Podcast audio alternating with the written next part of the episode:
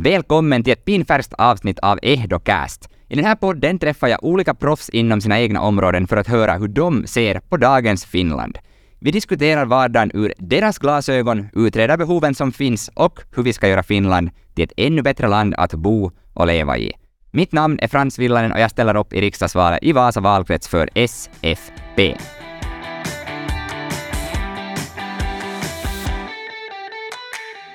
Dagens gäst praktiskt taget andas skola och utbildning. Hon har varit lärare i alla möjliga former och också rektor innan Kosan styrdes mot lärarfacket där hon har svingat ordförandeklubban sedan 2020 om jag kommer rätt ihåg. Samtidigt ligger du i hård träning för vårens Vasalopp och det är inte första gången.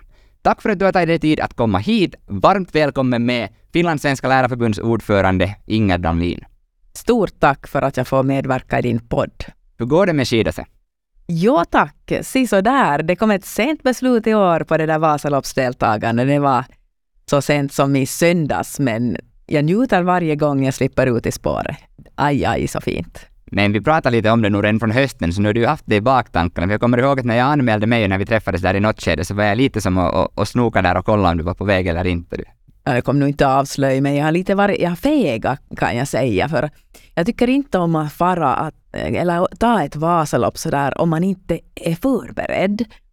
Och, och januari har varit ganska intensiv på jobbfronten för mig. Men på något vis så på söndagen så kändes det så himla fint där i spåret. Så då var jag mogen. Vad ska man, hur många kilometer ska man ha för att vara förberedd för ett Vasalopp?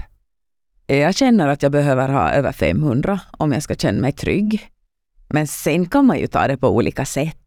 Jag menar mitt motto skönhet framom fart.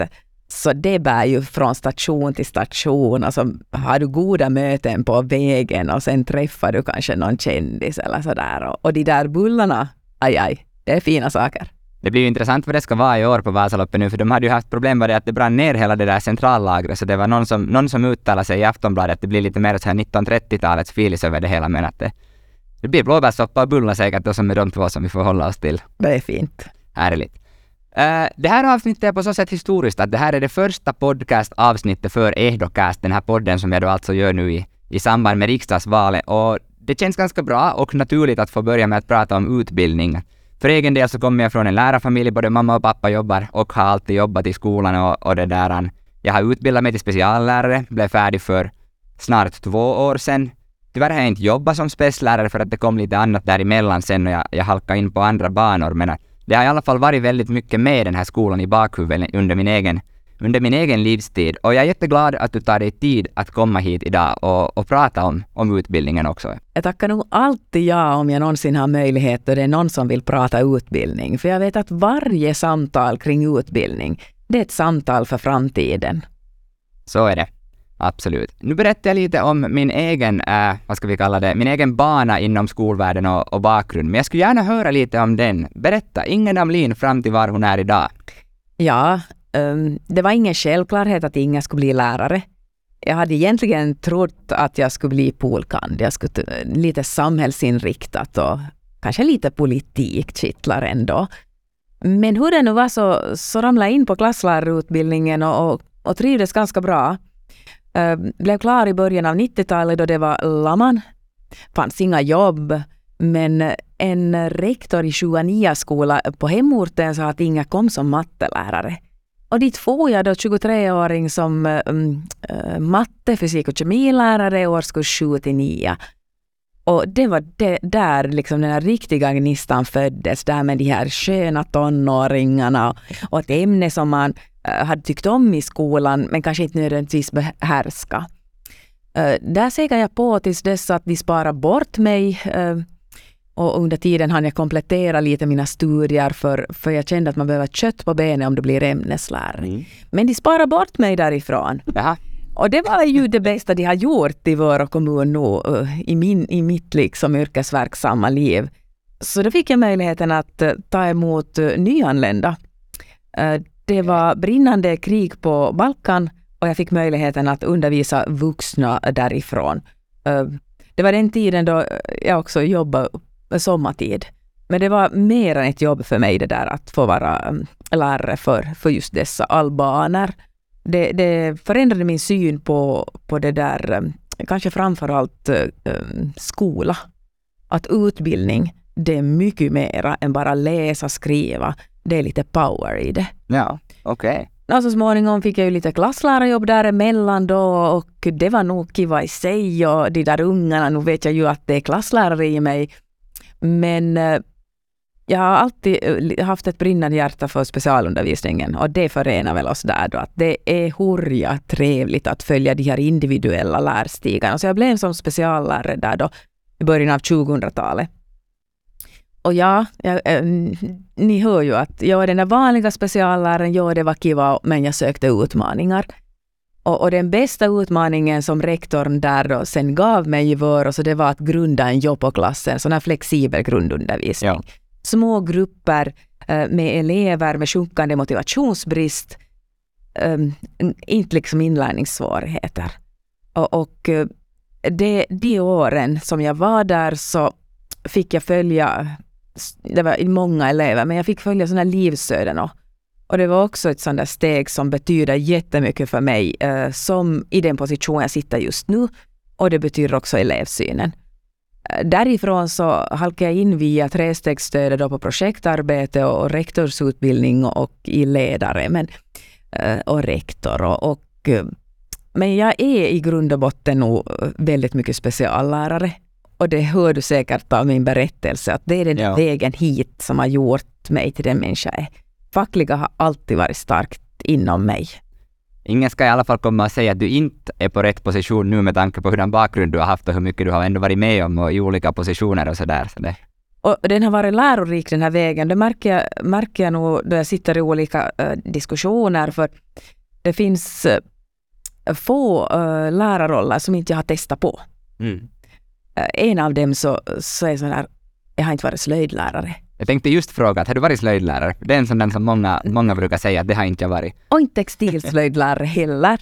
Och faktiskt så har jag aldrig undervisat i religion av någon konstig anledning. Att jag vet inte hur det har gått förbi. Musik däremot, som jag inte alls liksom är min grej, det har jag fått testa på spela de där eh, julsångerna och sådär. Så.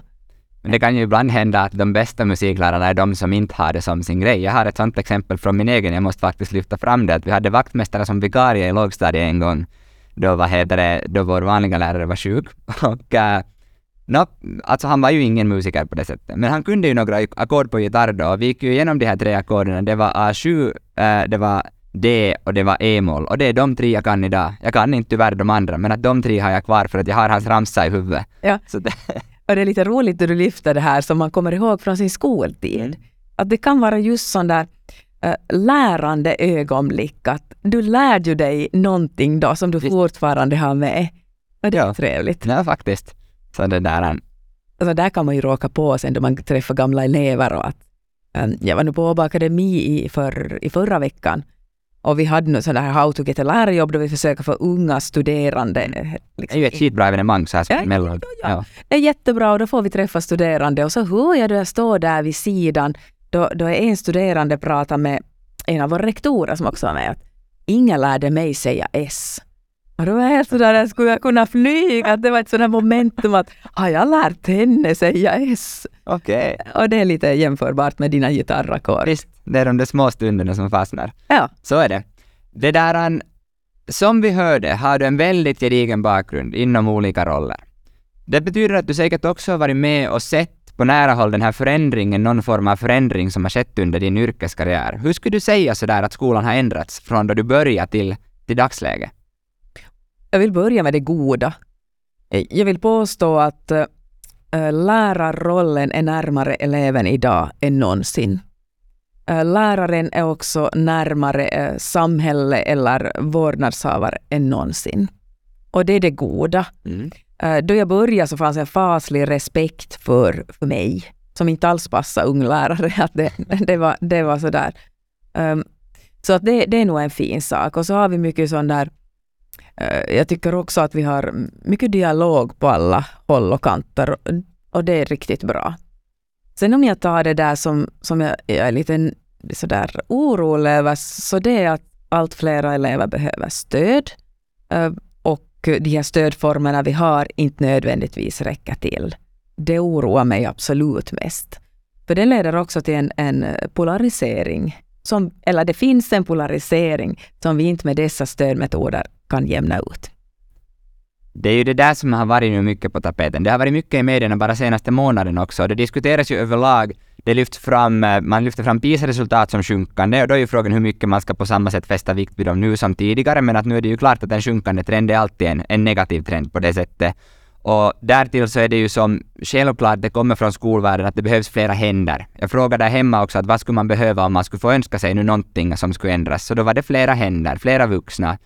Det behövs mera speciallärare. Det var, det var du inne på tidigare också, att flera elever behöver stöd. Men det kanske inte bara det som behövs heller, utan vi har i Vasa till exempel i, i högstadierna har vi skolcoacher och nu har vi en utmärkt motion på gång som kommer till fullmäktige på nästa möte gällande ifall man skulle utvidga det här med skolcoachverksamheten också till lågstadier. Det där var ett ganska bra svar på motionen att det kunde vara, kunde vara önskvärt. Både ungdomsfullmäktige från skolorna sa det att det skulle vara bra och så här. Men bottom line-poängen är väl kanske den att det är någonting som borde börja, börja göras där nu och ni diskuterar säkert mycket i FSLs korridorer vad det skulle kunna vara. Så nu frågar jag dig så här att var ska vi börja ta itu med de utmaningarna som finns? No, för det första så, så jag som ser då mycket på läroplaner, så den har ju förändrats vår äh, läroplan, den här senaste vi har nu, så där har lärarrollen blivit en handledande roll. Men resurseringen av lärare är fortfarande äh, identisk med hur den var tidigare. Eh, man kan inte handleda en grupp på 18 elever ensam. Du behöver vara flera eh, pedagoger där. Så, så det där med samundervisning och att, att få en större det här, lärartäthet, det är en jätteviktig fråga. Den är jätteviktig. Plus att naturligtvis så behöver vi också fråga oss att behöver vi en dimensionering för att på tillräckligt många uh, speciallärare per, så att säga, per elev eller per skola, att det där stöd, stödbehovet eh, faktiskt räcker till. Sen när du var inne på skolcoacher, så det, det, är en jättesvår fråga det här med skolcoacher. Det är en fin sak. Jag jobbar mycket med skolcoach i Korsholm där jag var där och det var, det var super. Men i och med att vi nu har flyttat um, det där eh, elevhälsan till välfärdsområdet så blir det en knepig sits för de där, eh, de där coacherna. Att vem kommunicerar de med? Eh, jag med elever, nära studerande och sådär. Men den här frågan måste man på något vis lösa. Att vem eh, kommunicerar de oro med och på vilket mandat och, och hur får man den där oron sen snabbt vidare? Så där finns en, en, en, någonting som vi måste lösa, för det behövs. Sen vill jag nog också uppmuntra, när man ser på vad lämnar kvar i kommunerna efter efter den här välfärdsreformen. No, det är utbildning och också det förebyggande arbetet, alltså det, mm. det här tekniska och så vidare. Men, men den här ungdomssidan, det jag tror att det är viktigt för skolan att vi stärker också den. Och då är jag inne på det där att om, om du har en meningsfull fritid mm. på något vis, så mår du bättre i, i skolan också. Så är det ju. Då kommer vi ju lite in på just så här, ähm, det som idrott och kultur och att röra på sig och ha någonting att göra på fritiden. Det här är som pratar väldigt mycket om, redan i kommunalvalet när jag första gången ställde upp, så var det liksom mindre Netflix och mera motionsmöjligheter som var grejen. Och det är så fint att se egentligen, för vi har redan i Vasa finns det små exempel på till exempel skateparken i Medviken, som är en investering, sure, den kostar var det 200 000 eller vad det var. Det är ju pengar. Det är naturligtvis pengar.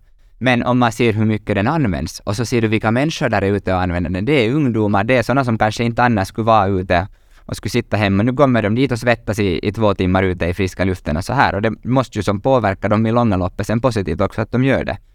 Så är det liksom lite det som du... Som ja, det är det jag är ute efter och sen har vi, eh, staten har haft mycket klubbpengar nu eller man har haft mm. möjlighet till det. Mm. Och där finns jättegoda exempel, eh, de har knutit det till skolan de här klubbarna, man har erbjudit det.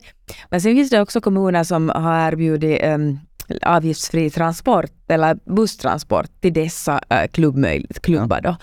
För att alla har nödvändigtvis inte råd att gå på hockeyträning eller så vidare bortåt. Och, och, och då för att lite jämna ut uh, fritidspolariseringen så, så har det där varit en fin öppning åtminstone. Det är ju jättebra och det är helt, helt super. Det hänger säkert lite ihop med det här att alla barn ska ha en gratis hobby då, de bygger mm. ihop den på det sättet. Hur funkar det i skolan? Går det ut över, liksom, går det ut över skolan och lärarna på något sätt i form av att det blir mer arbete där, eller får man det att fungera smidigt, att man får klubbverksamheten vid sidan om utan att läraren behöver nu tänka på någonting extra så här? Så har det nog funkat. Att det är tredje sektorn som har kommit in och i små skolor är det då eh, de lärare som tycker att de har någonting att ge i klubbform ja. som har funkat. Och, så länge vi har det så, så tycker jag att det är ett fint komplement till, till skolan. Att man ska inte underskatta, tycker jag, sådana här, såna här komplement. Äntligen är det ju så att allting som förut får barnen i rörelse är ju som positivt i det långa loppet. Jag funderar också på det här, här själv och vad heter det, jag tänkte att skulle det kunna ligga någonting i om man skulle ha mer gymnastikundervisning också som en del av, finns det någonting i det eller är det en dålig väg att gå? Och det beror lite på. Att eh, röra på sig är, är alltid viktigt och det här li, um, rörelse i skolan, Liikkuva koulu, så det var ett jättefint uh, initiativ. Uh, alltid då man går in och tänker på timplan så då, då är frågan att vad tar man bort? Vad vill man skära bort? Ja. Och vad vill man lägga till? Att I den, de vack, den vackraste av alla världar så, så håller jag helt med. Mera gymnastik. Jag håller också, och där vill jag också säga mera, mera mm, modersmål eller flera timmar i de lägre årskurserna. Det vore också fantastiskt om vi har stödfunktionerna i skick. Ja. Men att det, det är en stor fråga. Precis. Vi går vad heter det, tillbaka lite. Du pratade om, jag frågade om skolcoacherna och du sa att det är lite svårt där nu med välfärdsområdets förnyelse som har kommit och som flyttar över elevvården till välfärdsområdena. Uh, om jag har förstått allt rätt, vilket jag verkligen hoppas att jag har gjort, så betyder det att målet är fortfarande att elevvårdspersonalen ska få vara i skolorna. Det är bara arbetsgivaren nu som är annorlunda. Men samtidigt så fanns det ju, det var, har nog som kommit små problem också, bara en sån sak som att Vilma till exempel, som ju i övrigt är det här liksom grunden, grunden för kommunikationen typ i skolan och hemma, har varit ända, ända sedan jag gick på ettan i alla fall, har Vilma alltid funnits med i någon form. Och, och nu mitt i allt med den här reformen så slipper inte elevvårdspersonalen in på Vilma. Vad är grejen med det?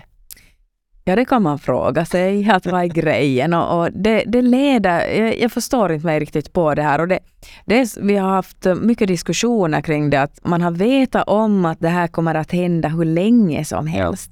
Men det har inte kommit tillämpningar i god tid. Så att det, det just nu råder lite vilsenhet, lite olika beroende på kommuner hur, hur vilsna man är. Och, och det, det, det som det leder till är, är ju att lärare förväntas då Eh, liksom, eh, förmedla den här informationen ja, till ja. den här personalen. Och det blir lite knepigt.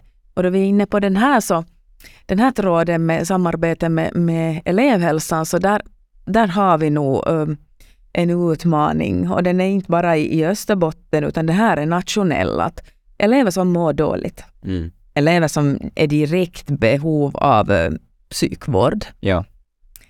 det funkar inte. Och, och senast idag fick jag frågan av en rektor att vem ska avgöra när en elev inte är i skolskick? Okay. Eller koulukunto som man pratar om i skolan. Att vi har ingen mellanform i nuläget mellan om du behöver vara på avdelning eller eh, liksom själva skolan. Det kan vara så att Kalle har mått så pass dåligt att du har behövt ta dig till akuten. Du kan ha gjort eh, självmordsförsök eller de här allvarligare och sen finns det inte plats på någon avdelning eller finns inte vård, så vad händer? Jo, följande dag så är du tillbaka i skolan. Och du, har, du följer skollagstiftning och där ska du vara. Ja. Och det är inte bra för eleven och det är inte heller bra, liksom, det finns inte det som eleven behöver. Och det, det är aldrig bra. Så då vi pratar det här välfärdsområdena och sånt, så det finns både de här kommunikationsproblemen som en, och det skyller lite på barnaskor och sen de här rena resurseringen av vårdpersonal och brist på det som syns i skolan. Och det där är ju jättesvårt med tanke på vilken situation de kommer in, eller som de nu har inlett sin verksamhet med välfärdsområden. Var det Österbotten bara, det var minus 20 eller minus 30 miljoner den där budgeten för Österbottens välfärdsområde. Nu kom det ju från regeringen, då var det 500 miljoner till. Det täcker ju inte allt, det täcker en del, men man börjar ändå en ny verksamhet, århundradets reform, på minus. Och så hör man det här då. Det är ju inte bara inom skolvärlden på välfärdsområdessidan det är problem. Det skulle behövas resurser till mycket annat också. Så heter det att välfärdsområden behöver prioritera. Men där är nog en jättestor utmaning hur det faktiskt ska gå runt. Jag kommer i ett annat avsnitt faktiskt ha, ha besök därifrån också. Vi kommer diskutera dem och se vad heter de, om, om det finns någonting och hur de ser på det från den delen. Men det är ju klart att utan mera pengar så kommer det nog att vara svårt att få det att, att lösa sig. Det är en superviktig fråga och bra om du tar upp den. Du berättade tidigare att du har jobbat med, med trestegsstöd, någon form av projektanställning eller, eller något sånt här. Och Trestegsstödet har ju funnits med nu. Vilket år? När kom det? Det kom 2011. 2011, just precis. Jo, jo. Jag började studera 2015 själv och det var mycket på tapeten då, då just med trestegsstödet och, och nu, är du ju, nu vet du ju mera, mera än mig naturligtvis om, om det här men att i grunden bygger det på tre nivåer. Det är allmänt stöd, intensifierat stöd och särskilt stöd. Och sen den har kommit in då, så, så sen hade ju inte allting funkat riktigt problemfritt och nu var det, det var någonstans, jag minns inte nu i vilken tidning det var som det hade kommit någon var det dom eller något sånt konstaterats av någon ombudsman att, att nu funkar inte, att alla elevers rätt till stöd uppfylls helt enkelt inte. Minns du vilken? Det är justitieombudsmannen dit, eh, dit OAI har riktat en klagan. Och svar på den har kommit då i höstas. Ja. Och då har Utbildningsstyrelsen och ministeriet gett, gett i uppgift att inom februari förtydliga tillämpning, tillämpningarna av de här lagarna. Var va ligger vi med det nu sen, sen det här kom? No, vi kan väl säga som så att vi tror ju att de förtydligar äh, det här äh, liksom, äh, tillämpningsdirektiven. Mm. Och det är väl en bra sak. Men jag tror inte att det räcker till. Det är nu vår, vår det här absoluta tro. Och vi försöker som mm, utgående från de erfarenheter som våra medlemmar har och tillsammans med OAJ försöker vi bygga en alternativ modell till det här trestegsstödet. Det är inte någonting sådär ny, nyomdanande, men så att man åtminstone ska få bort den enorma dokumentation som är sammankopplad med det här. Och det här, det här, jag är övertygad om att det här vill inte hemmen ha inte vill de ha en hemmassa med papper. Ja, fast läser det liksom säkert en, en, en del föräldrar garanterat läs, så läser mm. garanterat, men säkert en ganska bråkdel av dem. Jo, och jag menar på olika nivåer. Om vi ja. kommer upp till de som faktiskt behöver någon specialarrangemang med undervisningen, för det är den där mellersta nivån och sen de här som behöver individuella mål. Naturligtvis ska det dokumenteras och mm. utvärderas och så. Men på den där lägsta nivån så, så pratar vi varmt för att man ska tro på det som ges i klassrummet och ha en tillit till skolan. Eh, och det, det är viktigt också för, för studerande och elever.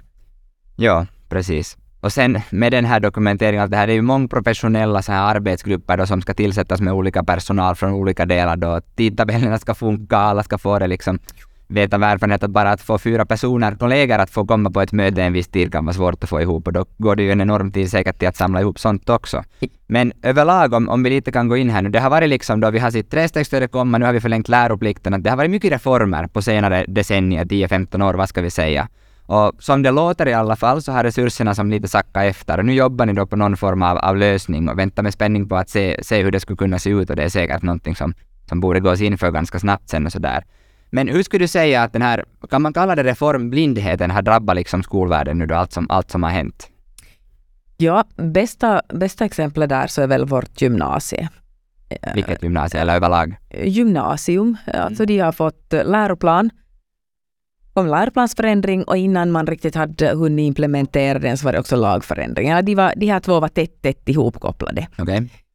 Och, och sen var det också äh, en reform av de här äh, ansökningen till, till, äh, till universitet, alltså till följande stadier. Ja. Och de här tre så såg som ordentligt i våra gymnasier. Och, och, det är sånt så, som, ja vi har trötta lärare, men vi har också vilsna elever. Mm. Och vi har nödvändigtvis inte ett gymnasium som, som står för allmänbildning just nu. Utan allt fler elever taktikerar. Och det här är någonting som inte är bra. Men sen om vi pratar uh, reformer som utvidgade läroplikten, uh, den, den trädde in, eller den rullade in och där har man kanske inte riktigt ännu klart om, om allting fungerar, om, om det räcker till med kostnader och så vidare. Att där var nog tanken också bra. För där var tanken att man skulle, de som dropout-eleverna skulle fångas in. Ja. Men, men uh, frågan här nu då, där vi står idag med sjunkande, in, sjunkande lärresultat, att var det rätt väg? Är, det, är vi på rätt spår? Det är lite för tidigt att börja vara kritisk, men man kan vara lite sådär ja, ja. Uh, grundskolan då, så, så där hade vi ju trestegsstödet som påbörjades och, och det skulle vara kostnadsneutralt och det visade sig ganska fort att det var inte kostnadsneutralt. Och om man tar allt det här som jag pratar om nu så, så elevers lärstigar har påverkats. Ja. Lärares, lärares arbetsbild har påverkats. Och det syns. Ja, det syns på många sätt, mm. låter det som. Det är ju ganska som No, det har varit en stund redan, men nu är det ju alarmerande det här då att du, som, du börjar en som 14-åring när du börjar se på vad du ska välja efter högstadiet. Då börjar ju taktikeringsprocessen. Mm. Jag pratade med, med en vad heter det, studiehandledare för några veckor sedan som sa att hon har just suttit och berättat till en 14-åring att du är 14 år gammal, att du, du ska inte behöva fundera nu så här mycket och stressa ännu då. Och så går du till gymnasiet då och så väljer du, måste du plocka då, välja bort någonting du tycker om till förmån för någonting som du kanske har bättre då, mm. bättre nytta av. Och då är du 15. Sen hinner du fylla 17 och ändra dig totalt vad du skulle vilja bli. Och då mitt i allt så inser du i värsta fall att nu har du skippat någonting som du gärna skulle ha läst och som du sen inte skulle ha behövt skippa egentligen. Att det här måste vi ju ta itu med. Sen är också studentskrivningen en grej som jag funderar själv på. Jag frågar gärna ett proffs här nu för att det, det, liksom, det kan gott hända att jag har väldigt fel så här. Men jag har som tänkt så här. Det är ju en enorm press som det kommer på de här enstaka skrivningsdagarna av hela två och ett halvt år som du har gått i gymnasiet. 38 grader feber när moderrealen kommer det kan göra liksom att ditt E sjunker till ett B från ingenstans. Och då är allt förgäves, om man lite karikerar. Hur ser du på stud- eller hur ser ni, hur ser FSL på studentskrivningens roll? Minskas, hålla kvar? Vad ska vi tänka? Det här tänker jag som hela gymnasiet. Mm. Att uh, det är ju alltid, hela gymnasieutbildningen är ju alltid värt att diskutera. Um, så uh, liksom examensprov i vilken form och hur ska det se ut och hur statiskt är det jätteviktiga frågor. Men det finns inte nödvändigtvis en enkel lösning. Nej. Men jag är alltid glad då, då gymnasielärare tar kontakt, för då blir det den där att vi vill att det ska, äh, gymnasiet ska ha en allmänbildande roll. Det är liksom kärnuppdraget där. Ja. Och jag tycker att man behöver då och då äh, vädra det. Har det en allmänbildande roll? Och likaså den där, den där skrivningen också, formen på de där proven behöver man våga lyfta. Den här i slutet av förra veckan var det väl så då, jag har en del sådana här gamla trogna elever från Korsholmstiden så, ja. som, som kontaktade mig. Och den där ena som absolut måste bli påverkare, så han hade en åsikt. Han, han påstod nämligen att de är nog lite orättvisa de där examensproven också. Ja. Att om du inte använder i språk till exempel använder de rätta orden så upplevde han att synonymer inte duger trots att du har liksom förstått en uppgift i ett främmande språk och använder synonymer så, så upplevde han att han, han blev liksom lite bestraffad för det. Och med det sagt så tänker jag att, att hela den här, då vi pratar om reformer eller eh, som vi var inne på som från början innan vi är ute här och seglar lite, så reformer. Så hur mycket uh, utvärderar vi om det här var en bra reform? Ja. Hur mycket lyssnar vi till studerande och elever och, och lärare och rektorer? Jag funderar på det här. Du sa om reformer, exakt precis det. Vi säger att lärare behöver arbetsro, det är självklart, det behöver de. Borde vi våga ta bort någon form av reform? Det är kanske den lösningen ni lite jobbar på när ni funderar på hur vi ska se på det här mindre dokumentering och det. För inte det är ju heller i så fall en lösning att nu lämnar vi det allt, nu är det slut på reformer. Då sitter vi ju där med pappershögen. Den har ju redan kommit dit. Så istället för att vi nu tänker att vi ger arbetsro och inte gör någonting så borde vi då kanske göra ännu en sista grej på en stund där vi lite minskar på den här bördan och sen ger arbetsro. Ja, det tänker jag och kanske utvärdera lite mera. Mm. Liksom hur upplevs det här och hur funkar det här? Om vi nu tar trestegsstödet, det, det är ett riktigt fin, fint exempel. Att, att jag menar, en reform som gjordes 2011, ja. idag lever vi 2023. Då kanske vi är mogna för att gå igenom den och säga att finns det delar som kan revideras? Finns det behov uh, då det gäller någon av de där stödformerna att ändra på någonting? Ja. Mitt svar är ja. Uh, jag har själv jobbat, jobbat mycket då, som jag sa där i inledningen, med de flexibel grundundervisning. Det är en undervisningsform som lite har fallit i glömska just nu. Trots att jag själv är helt övertygad om att elever som mår uh, dåligt, har psykiskt illamående i bagaget, kunde dra nytta av en sån undervisningsform i perioder. Och, och sen finns det också sån där smågruppsundervisning som, som jag tänker att alltid utvärdera, se om man kan utveckla. För idag har vi inte tillräckligt redskap för att möta alla utmaningar som finns i skolan. Det är ju helt uppenbart. Inklusion är inte alltid en bra sak, det beror på läget lite. Ja. Jag tänker att inklusion, ja då igen, ja, det är så fint. Bara vi har uh, redskap. Ja. För, för en inkluderad skola så jag har jobbat i en före 1998 och det inte var möjligt att inkludera enligt lagstiftning. Mm. Eller man hade de här så här. Uh, det var nog en svår skola. Så jag tänker sen, sen den här möjligheten kom Den, den är nog fin, men den, den kräver resurs. Mm. Okej, nu har vi pratat mycket negativt. Det har varit mycket, mycket resursbrist och, och lyft fram problematiken, vilket ju absolut är en av de viktiga grejerna varför vi också sitter här nu för att kunna lyfta fram det här på bordet. Men nu vänder vi på steken, för vi ska småningom börja avrunda här. Nu skulle jag vilja höra, vad har blivit bättre? Jag skulle vilja höra något positivt som du vill lyfta fram nu i dagens skola jämfört med hur det har varit. Det är jättemycket som har blivit bättre. Om jag börjar först, eh, det goda i läraryrket, så vi håller på att köra en kampanj på det just nu, för det är någonting som vi håller på att glömma bort. Mm. Dels det att lärare faktiskt är proffs på det de gör. Och, och eh, med högskoleutbildning och proffs så, så gör du ganska mycket. Och sen i de eh, stunderna då du får göra det som du är utbildad till, det gillar läraren. Sen har vi blivit mycket bättre på att, att samarbeta med olika organisationer och lyssna in. Uh, och så tycker jag också att um, vi har blivit bättre av att, på att lära av varandra i kommunerna. Att man delar gärna kunnande över kommungränserna.